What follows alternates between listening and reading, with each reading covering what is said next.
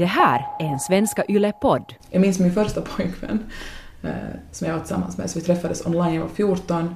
Vi träffades online, jag var redan då överviktig och eh, tjock. Um, hon var jättesnygg enligt mig. Och jag trodde att han liksom bullshittade mig hela tiden. Och när vi träffades sen, vi träffades på tågstationen, det var jättefint och vi klickade jättesnabbt och jag var, blev, var, var redan väldigt kär i honom. Men första dygnet han liksom var hemma hos mig så tänkte jag hela tiden, på, hela tiden att, att när ska de här, det här kamerateamet hoppa fram och säga att det här är liksom you just got punked. Att det här är bara fake. Möt Josefin. Jag sitter hemma hos henne och dricker te en måndagskväll. Allt börjar med att jag öppnade Instagram för några veckor sedan. Kom in på hennes Insta-story av någon orsak. Och jag ser att hon har ångest. Hon har precis sträckkollat alla Twilight-filmer och mår alldeles fruktansvärt dåligt. Inte av den dåliga dialogen, utan för att hon har komplex över sin kropp.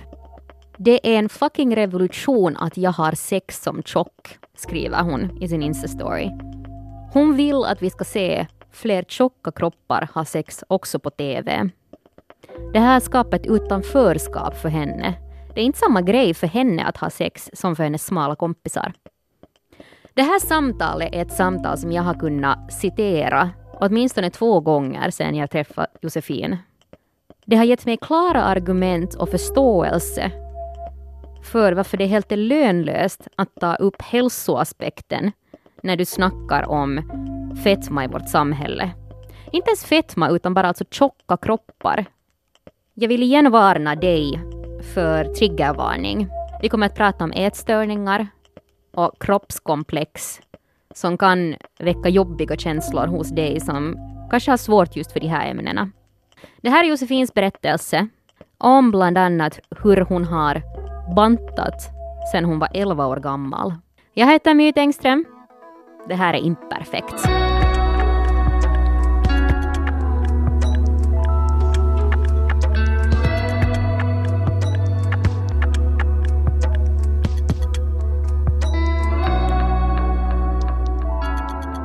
Har ju alltid känt av att det är någonting som är annorlunda med mig.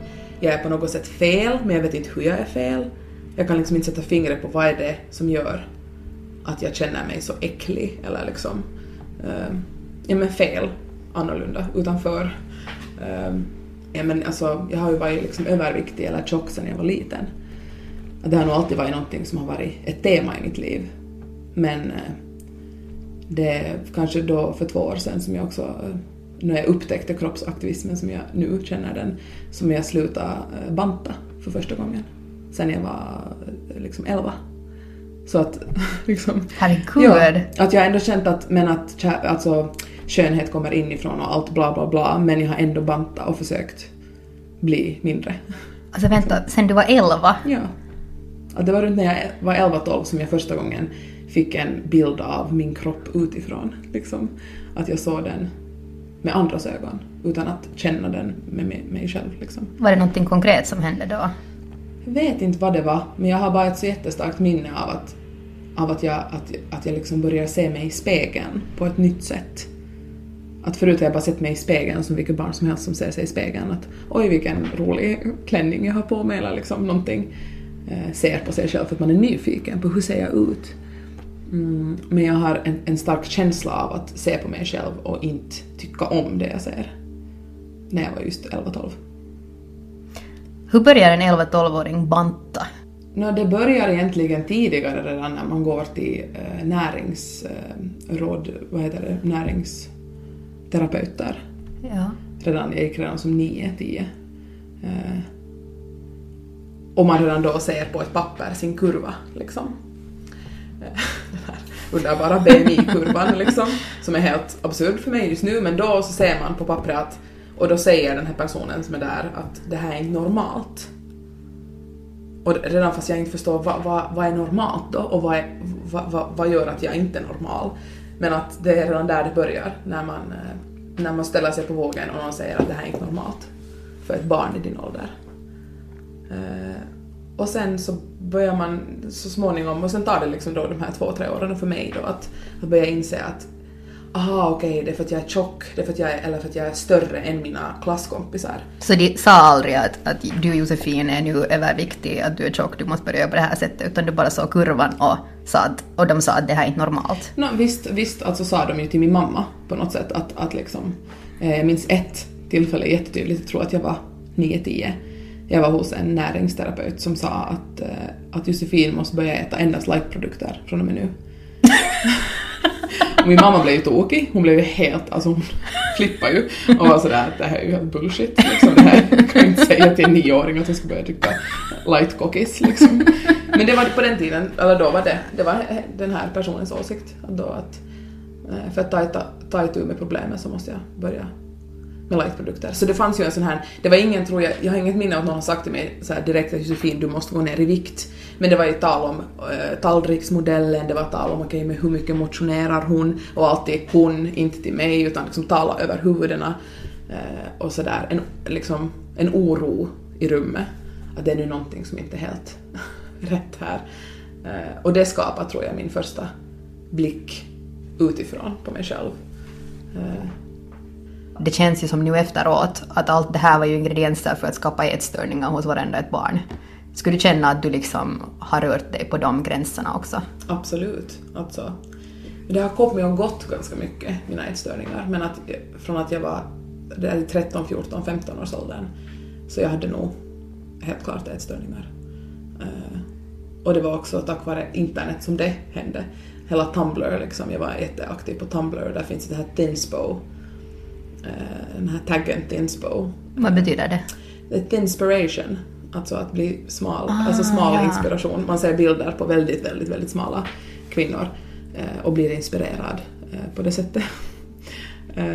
och där fanns det så ABC-dieter. det fanns ehm, att varje dag så går det en viss bokstav som har, det kan vara 200 kalorier, det kan vara 300 kalorier per dag, du går upp till 700 och sen går det igen från 100 och sen 200, 300. Alltså. Men du är ett barn, det är ja. att du behöver minimi typ 2000 per ja. dag som vuxen människa, ja. om inte mera. Ja. Så att, att liksom ett barn ska leva på 100 eller 200, ja. det är ju stört. Ja, det är helt stört. Speciellt när jag växte liksom. Ja. Eh, jag var ju liksom 14 då när jag gick på den här dieten. Ehm, jag, jag har fortfarande ätstörningar som jag håller på med, men de är inte av, eh, i den svältande liksom, kategorin, utan de är mer i hetsätning, som också är en ätstörning som inte heller man pratar jättemycket om. Eh, så för mig har det alltid gått i perioder då jag har eh, svultit mig själv och sen har min kropp blivit så hungrig såklart och blivit i panik och då har jag ätit allt som jag har sett och sen har jag spytt. Och liksom, så att jag har aldrig på det sättet gått ner så mycket i vikt att jag skulle ha blivit, blivit inlagd på sjukhus eller någonting. Men det var ju definitivt farligt. Och det har varit väldigt farligt. Eh, och speciellt för mitt psyke, tror jag. Det har varit jättefarligt. Jag har mått jätte, jättedåligt just. Och före jag hittade kroppsaktivismen så har jag inte kunnat sätta ord på varför mår jag dåligt. Varför går jag runt och mår dåligt hela tiden? Den oerhörda press som sattes på mig som tjock ungdom eh, är någonting som man inte ens kan föreställa sig. Och det enda jag har vetat ända tills jag hittade kroppsaktivism eller på något sätt började se på mig på ett annat sätt är att, att jag kan inte vara lycklig och tjock. Jag kan inte ha ett fullt och helt liv om jag är tjock. Det går inte. Det var det enda jag visste. Att jag dör hellre än ser ut så här resten av mitt liv. Och då blir det inte, då blir det, i min, i min hjärna blir det liksom inte farligt att banta eller att spy eller att... För att jag dör hellre, var det. För mig. Uh, och nu så dör jag hellre än bantar. Den överlägset vanligaste kommentaren, eller ens argumentet som brukar dyka upp när jag diskuterar övervikt med mina kompisar, eller värst av allt läser ett kommentarsfält i någon artikel som tar upp det här, är just hälsoargumentet. Det här hälsoargumentet, eller det här argumentet, provocerar Josefin alldeles förskräckligt mycket. Hon har tänkt på det mycket. Och här kommer nu ett svar som jag har kunnat upprepa och citera ända sedan jag snackade med henne. Alltså hälsa är ju inte heller bara fysisk hälsa, det är också psykisk hälsa. Och det är ju också det som kroppsaktivismen på något sätt eh, står för väldigt mycket. Att vi ska må bra eller vi ska ja, vi ska sluta hata oss själva så jävla mycket som vi gör. Eh, och där känner jag ju att, att min psykiska hälsa har ju varit oerhört lidande av kroppshets. Um, och sen, ja. Nej men jag tänker, ja, jag tänker nog absolut så att, och det finns ju, man kan ju vara ohälsosam och smal och man kan vara hälsosam och tjock. Och det är det här som jag tycker att det är så oerhört frustrerande när man pratar om hälsa eh, en, eh, en, enbart enligt är du tjock, är du ohälsosam, är du smal, är du hälsosam. Eh, att mina ätstörningar till exempel, de var oerhört ohälsosamma fysiskt. De tärde jättemycket på min kropp, speciellt när jag växte. Och det, men det spelade ingen roll för jag var tjock. Så jag kunde inte vara något annat än hälsosam i princip. Att om någon skulle ha sett mig på gatan så då, då, då säger de att jag är ohälsosam. Fast jag, jag äh, svälter mig själv. Fast min kropp hela tiden äh, kämpar för att hålla mig igång. För jag äter 200 kalorier per dag. Men jag, är ändå, jag var ändå rund. Så att, och jag menar, ja. Om man är smal så, och svälter sig själv eller äter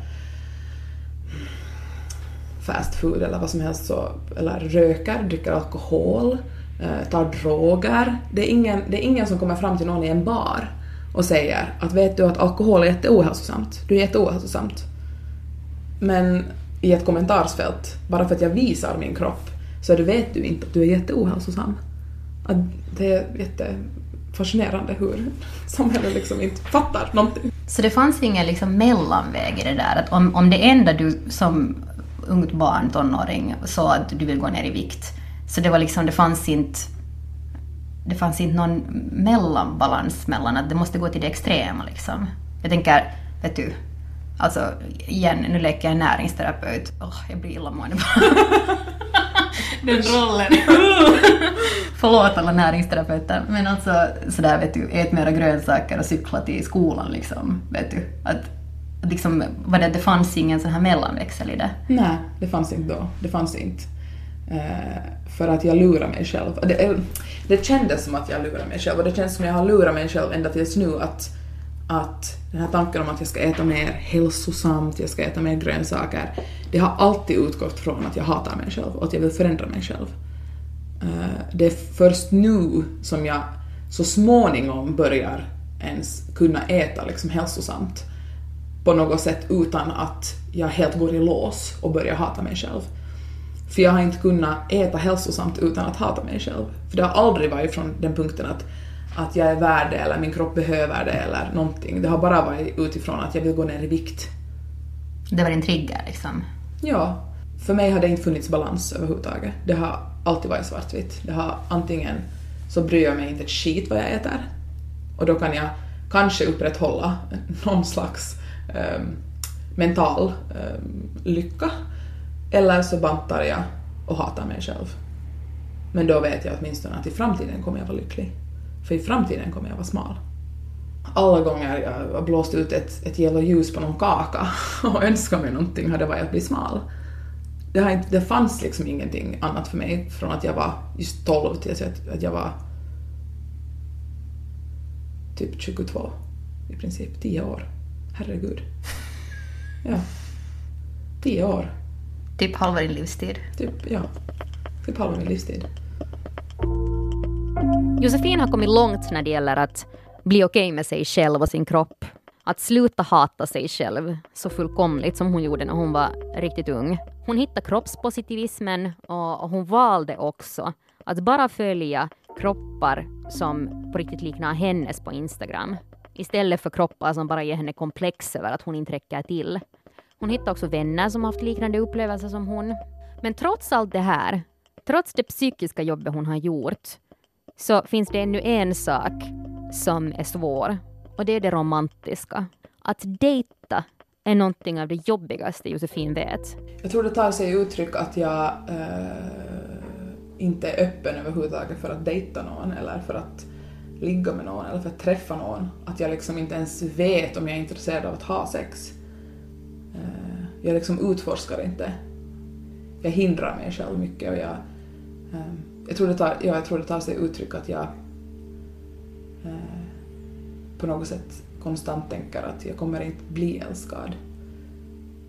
För att för mig är det just det här att just nu har jag kommit till en sån punkt där jag förstår att mina vänner vill umgås med mig fast jag är tjock. Och jag kan vara ute på stan och jag kan vara med i teaterföreställningar och jag kan till och med vara med liksom i serier kan jag tänka mig. Men jag kan inte öppna upp mig för ett romantiskt förhållande. För det känns som att... Jag minns min första pojkvän eh, som jag var tillsammans med, så vi träffades online, jag var 14. Vi träffades online, jag var redan då överviktig och tjock. Um, var jättesnygg enligt mig. Och jag trodde att han liksom bullshittade mig hela tiden. Och när vi träffades sen, vi träffades på tågstationen, det var jättefint och vi klickade jättesnabbt och jag var, blev, var, var redan väldigt kär i honom. Men första dygnet han liksom var hemma hos mig så tänkte jag hela tiden, på, hela tiden att, att när ska de här, det här kamerateamet hoppa fram och säga att det här är liksom you just got punked. Att det här är bara fake. Herregud. Ja. Och det här följer med mig ännu idag. Att jag tror att när någon visar intresse för mig så tror jag att det är för att de tycker om när människor är kära i dem.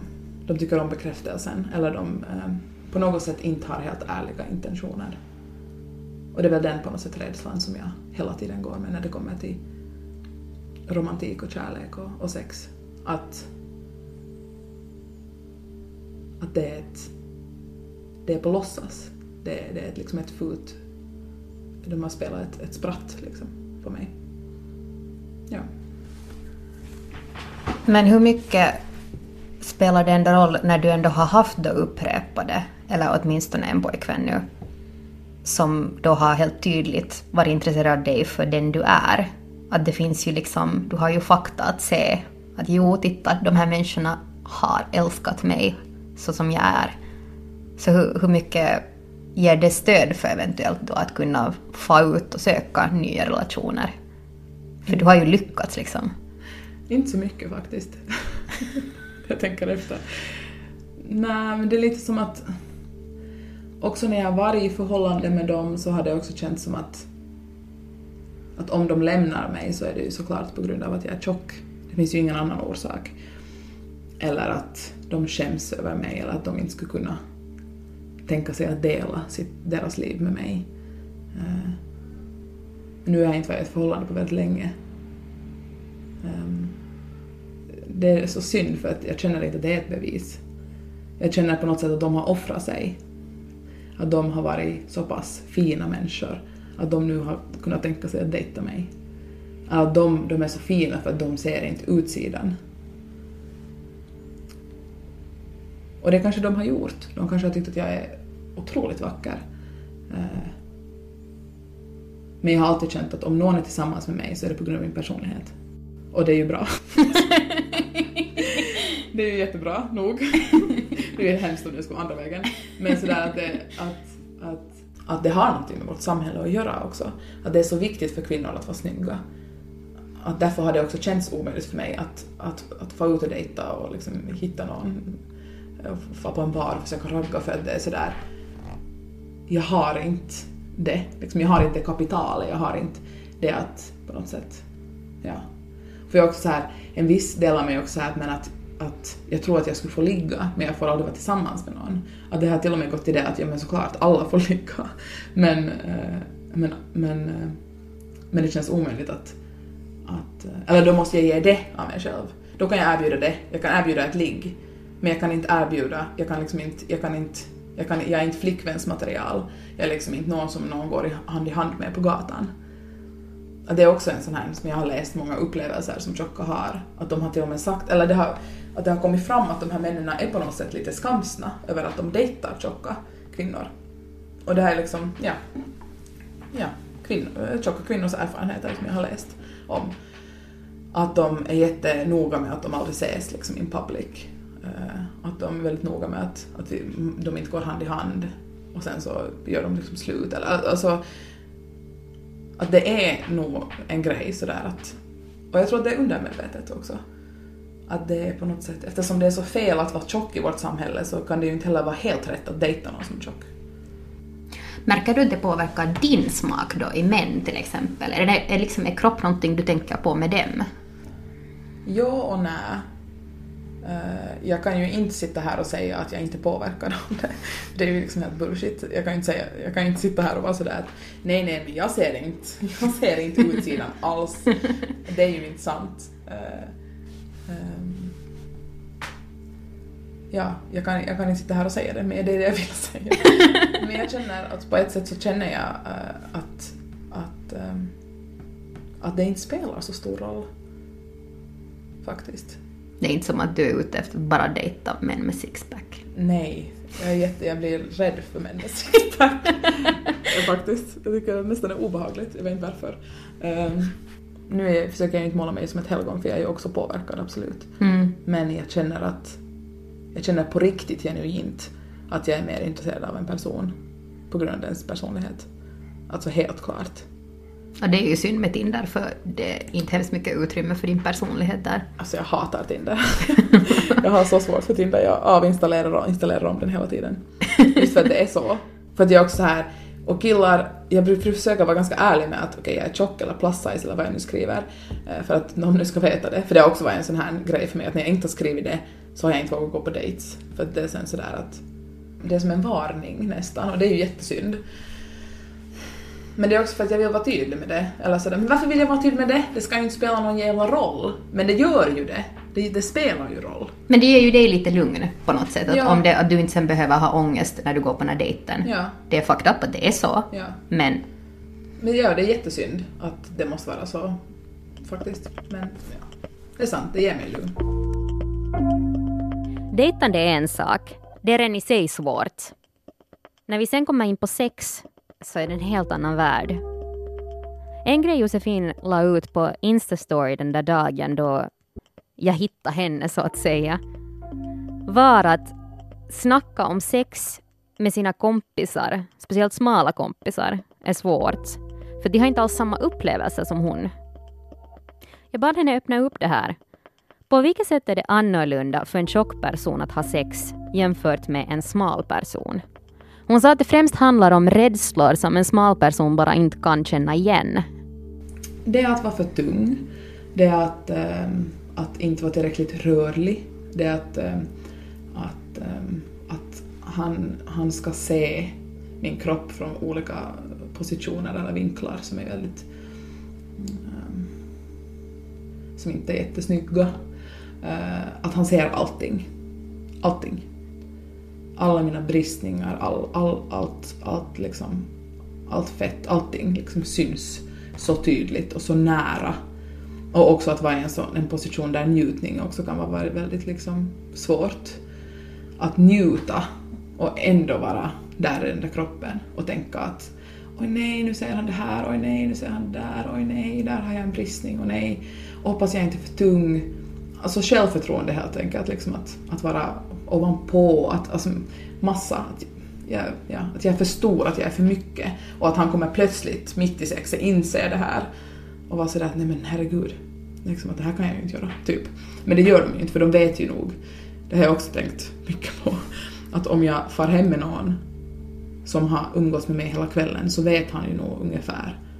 Det är ju inte som att jag heller blir jättechockerad när en kille tar av sig kläderna och bara såhär wow, vad är det här? Liksom, det här trodde jag aldrig. Den där rädslan att det ska vara så, typ på något sätt. Mm. För att jag är inte i den här Hollywood-normen där man, mannen liksom bär runt på kvinnan och slänger henne över axeln och springer och räddar henne och... Eh. Så det har inte, men det har ändå inte lett till dig liksom att du är på krogen med en kille och sen är det så ah ska vi få hem och sen bara balngar du ur för du jo, blir... definitivt. Alltså, jag går inte ens, alltså jag, jag har ju liksom, eh, jag, jag vågar ju oftast inte gå på dejter heller, just för att en del av mig är ju sådär att jag inte vill, just för att jag inte vill utsätta mig själv för den pressen. Och en del av mig är också rädd att jag inte ska kunna säga nej fast jag inte vill, för att jag blir ju ändå erbjuden. Att jag måste ju ändå vara tacksam nu för att jag blir erbjuden, att någon ens vill ligga med mig. Att det är också många tjocka som har, som har uttryckt det, att tack vare kroppsaktivism så har de kunnat säga nej. De har inte bara gått med på allting. Eh, det var en stor diskussion om, om eh, tjocka i ett sexuellt sammanhang. Det har fått mycket kritik.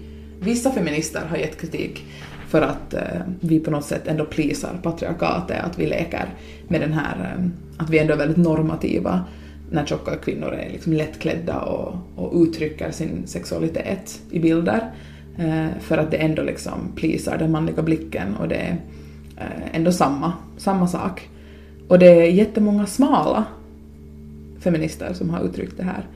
Eh, och det är just det där att, men ni vet inte vad det innebär för oss. För att genom att jag postar lättklädda bilder på mig själv så betyder det alltså praktiskt att jag sen när jag är i sängen med någon kan kräva mer. För att jag har sett mig själv i ett sexuellt sammanhang medan tidigare har jag bara tagit allting som har kommit. För att jag känner att jag ändå inte är värd det och att jag är tacksam för allt jag får. Att den, den länken är liksom helt konkret linkad till att jag har sett kvinnor i min egen storlek uttrycka sin sexualitet och sin sensualitet och, och vara lättklädda och erövra det sexuella rummet på något sätt. Så det har lett att du har, liksom, du har legat med män bara för att de har erbjudit det? Ja, alltså absolut. Jag har, ja, absolut. Jag har, Fastän du inte har velat? Ja, eller sådär, nu har jag velat men inte har jag kanske helt velat. Men jag har inte vetat hur jag ska be om det jag vill ha. Jag har legat och liksom äh, lidit för att de har gjort någonting som har gjort ont eller varit obekvämt för mig. Men jag har tagit det. För jag känner att jag, har inte, jag kan inte verbalt uttrycka mig. Jag kan inte kräva någonting. Just för att, eh, och det är helt klart för att jag har en bristande självrespekt eller en bristande självkänsla. Har haft och har, men ja. Så de gångerna du har tvekat vid krogen så har ändå inte kanske konkret handlat om att jag vill gå hem med honom men jag är rädd för hur jag kommer att se ut naken eller hur han kommer att reagera liksom, i den situationen och allt det här som sex innebär. Utan det har då kanske mera varit sådär att vill jag ens ligga med honom? Ja. Mer det och var jag rädd för att jag äh, inte ska kunna säga nej eller inte ska kunna visa tydligt vad jag vill ha. Eller om jag ligger med någon, att det har varit också en rädsla att jag inte kan visa vad jag vill ha eller vad som gör ont eller för att jag är så tacksam att de ens vill ligga med mig. Så det är både och, absolut. Och en stor del gör ju att jag inte ens far till krogen med den um, intentionen. Just för att jag dels är rädd för att de ska se mig naken och vara sådär nej, och, och dels för att jag känner att jag kommer att vara hjälplös och maktlös. Och det är jätteobehagligt att vara maktlös i en sexuell situation. Fast jag säger ja. Liksom.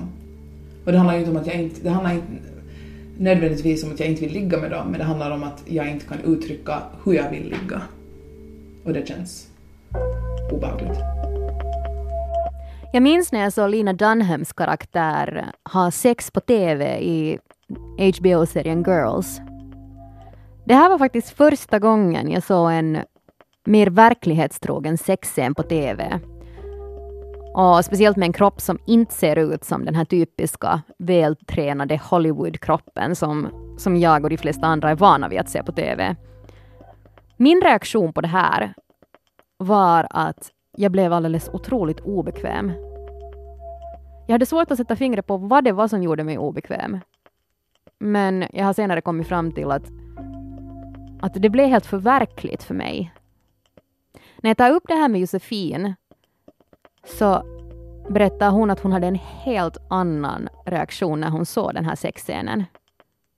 För henne så ändrades någonting inombords den dagen hon såg Lina Dunham ha sex på TV. Nej, jag blev inte obekväm. Jag, Eh, jag skulle säkert ha blivit obekväm tidigare. För några år sedan, liksom. För flera år sedan. Eh, men nu blev jag inte obekväm. Jag minns att jag, att jag blev helt salig av att se hennes kropp porträtterad i det sammanhanget. Eh, och med en sån här liksom typiskt, som jag tycker är helt jätteattraktiv, Adam Driver tycker jag är jättesnygg. Vi pratade med en, med en kvinna som jobbar med, med TV-serier. Hon jobbar på, på företagssidan, liksom att köpa in och så. Och hon sa bland annat, hon funderar liksom att, att ingenting i Hollywood är ju äkta. Mm. Liksom om man tänker på... Alltså Girls är ett undantag. Mm. att varför skulle du vilja vara en del av det? Liksom varför skulle din, du vilja se din kroppsform vara del av någonting som ändå inte är äkta på något sätt? Liksom att man kan avskriva det med att men det är Hollywood liksom. Ja, alltså jag håller med. Hollywood är ju inte äkta. Eh, men varför får inte jag vara en del av det då? Alltså, alltså varför får inte jag bygga upp den fantasin då? Om den är nu en fantasivärld. Varför, hur kan det komma sig då att den fantasivärlden ser ut så att det är vita, smala människor som, som springer runt och, och låtsas vara en ändå... För det är också det här på något sätt att ja, okej, det är inte äkta, men det låtsas, det utser ju sig ändå för att vara eh, porträtterande av livet eller på något sätt reflektera någonting eller berätta en, en berättelse om ett liv. Det är ju inte liksom sci-fi vi pratar om. det är ju inte Harry, liksom, det är inte Harry Potter. Ja, och jag tycker också att, att det är på något sätt farligt för att jag tror inte att alla helt medvetet tänker att Hollywood är en fantasi. Jag tror att Hollywood och filmer, serier, allting eh, formar, oss, formar oss så mycket omedvetet. Att fast vi till och med kan, kan uh, tänka att men det här är ju inte sant, det här är inte sant, så formar det vår bild av hur vi ser på samhället och hur vi ser på oss själva. För att vi har ingen annan referens. Jag, jag såg faktiskt på Twilight här, jag såg igenom alla filmer. Eh, de har ju nog, vad har de, typ fyra, fem filmer. Och jag älskar ju sådana jätteklyschiga filmer. Men jag har också intalat mig själv att jag kan hålla ett avstånd till det. Och jag så tittar på det och säger här, det här är så klyschigt och hur det här är helt liksom, det är vampyrer och vet du, men det är så romantiskt och, och bla bla och, och trott att jag kan hålla ett avstånd. Men det var efter den helgen som jag fick det här helt, eh, då jag helt crashade eh, med, min, med min kropp och min eh, syn på romantik och min... Och jag tror faktiskt att det, att det gick hand i hand. Jag tror att det, helt, det var en reaktion helt klart från att jag hade en hel två, tre dagar bara konsumera romantik där det byggde på vita, smala människor och deras liksom helt crazy, fake kärleksrelation. Att det påverkar mig otroligt mycket. Och fast jag tror att jag har ett avstånd till det, och fast jag ändå anser att jag är väldigt medveten om sådana normer inom filmer, så gick det ju sen direkt till att jag började hata mig själv, för att jag var inte där. Jag kan aldrig få det här, för att jag är inte en del av det. Så vad tror du att det skulle innebära för dig personligen om till exempel vi skulle se mera tjocka kroppar också i till exempel just sexscener på TV och filmer? Jag tror att mitt utrymme skulle bli större. Jag tror att, att mina tankar om mig själv skulle förändras. Jag tror att tankar om att tjocka personers tankar skulle förändras liksom, kring var de får vara och vem de får vara och vilka sammanhang de får tillhöra. Um, och jag hoppas också att det skulle förändras, förändra liksom tanken på helt, alltså på sådana som inte är tjocka, men som dejtar tjocka eller som ligger med tjocka eller som befinner sig med tjocka i de här sammanhangen. Att de kan också, för de har sett de här filmerna, de har sett de här tjocka kvinnorna eh, vara liksom sexiga eller romantiska eller de har varit liksom eh, och då kanske också forma åt det hållet att att det inte bara finns en preferens. Liksom. Som sagt, när jag såg Girls och Lina Dunham, de här sex scenerna, så det, det förändrar någonting hos mig. Att, att få se det är jätteviktigt. Vi pratade ganska länge med Josefin om vilka slags roller tjocka personer överlag får på TV. Och det finns ett ganska tydligt mönster också i vilka karaktärsdrag de här karaktärerna får. Jag har till exempel haft svårt att kolla på amerikanska The Office sen jag pratade med Josefin, för att så många av skämten i den serien så bygger på att skratta åt tjocka karaktärer som genomgående är dumma, lata eller sen då monstruösa matvrak. Josefin däremot, hon är mest ledsen över Harry Potter som hon annars älskar som filmserie och också bokserie. Men i den serien så finns det jättemycket fatshaming i till exempel hur familjen Dursley framställs som onda och feta och de här två hör alltid ihop. Eller till exempel hur Malfoys hjälpredor Crab and Goyle, de är ju också onda och tjocka. Det finns en miljon exempel på det här i populärkulturen. Och det är ganska svårt att blunda för det här när du en gång börjar märka det. Så var ska vi börja för att ändra på det här då? Att ändra skönhetsidealet och TV-branschen är, är nu inget som kommer att förändras över en dag. Men enligt Josefin så kan du och jag kanske lite hjälpa det här på traven. Bara i att märka hur vi själva tänker om tjocka personer. Tänker jag att de är lata när jag ser en tjock person på, på spårvagnen? Tänker jag att de är lata? Tänker jag att de är fula? Tänker jag att något som tur ser jag inte ut sådär? Vad tänker jag om dem? Ser jag, ser jag på dem på samma sätt? Värderar jag dem på samma sätt? Eller finns det någon? Och ta itu med de monstren som finns, ta itu med de här spökena om att tjocka är lata och dumma och, och, och, och, och sämre som människor. Vill du höra vad TV-branschen har att säga om det här? I nästa avsnitt av Imperfekt som finns ute nu kan du bland annat höra hur det finns två enkla orsaker till varför vi inte ser tjocka ha sex på TV. En av dem handlar om att vi som publik faktiskt är lite dumma.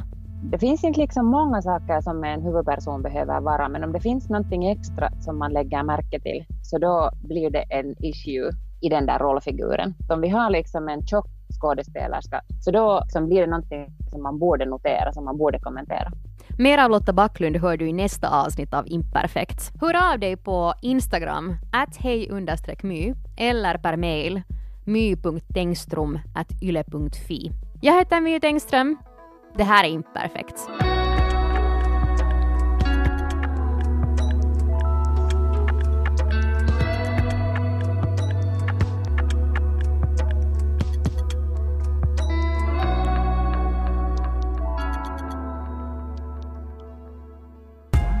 Det här är en Svenska Yle-podd.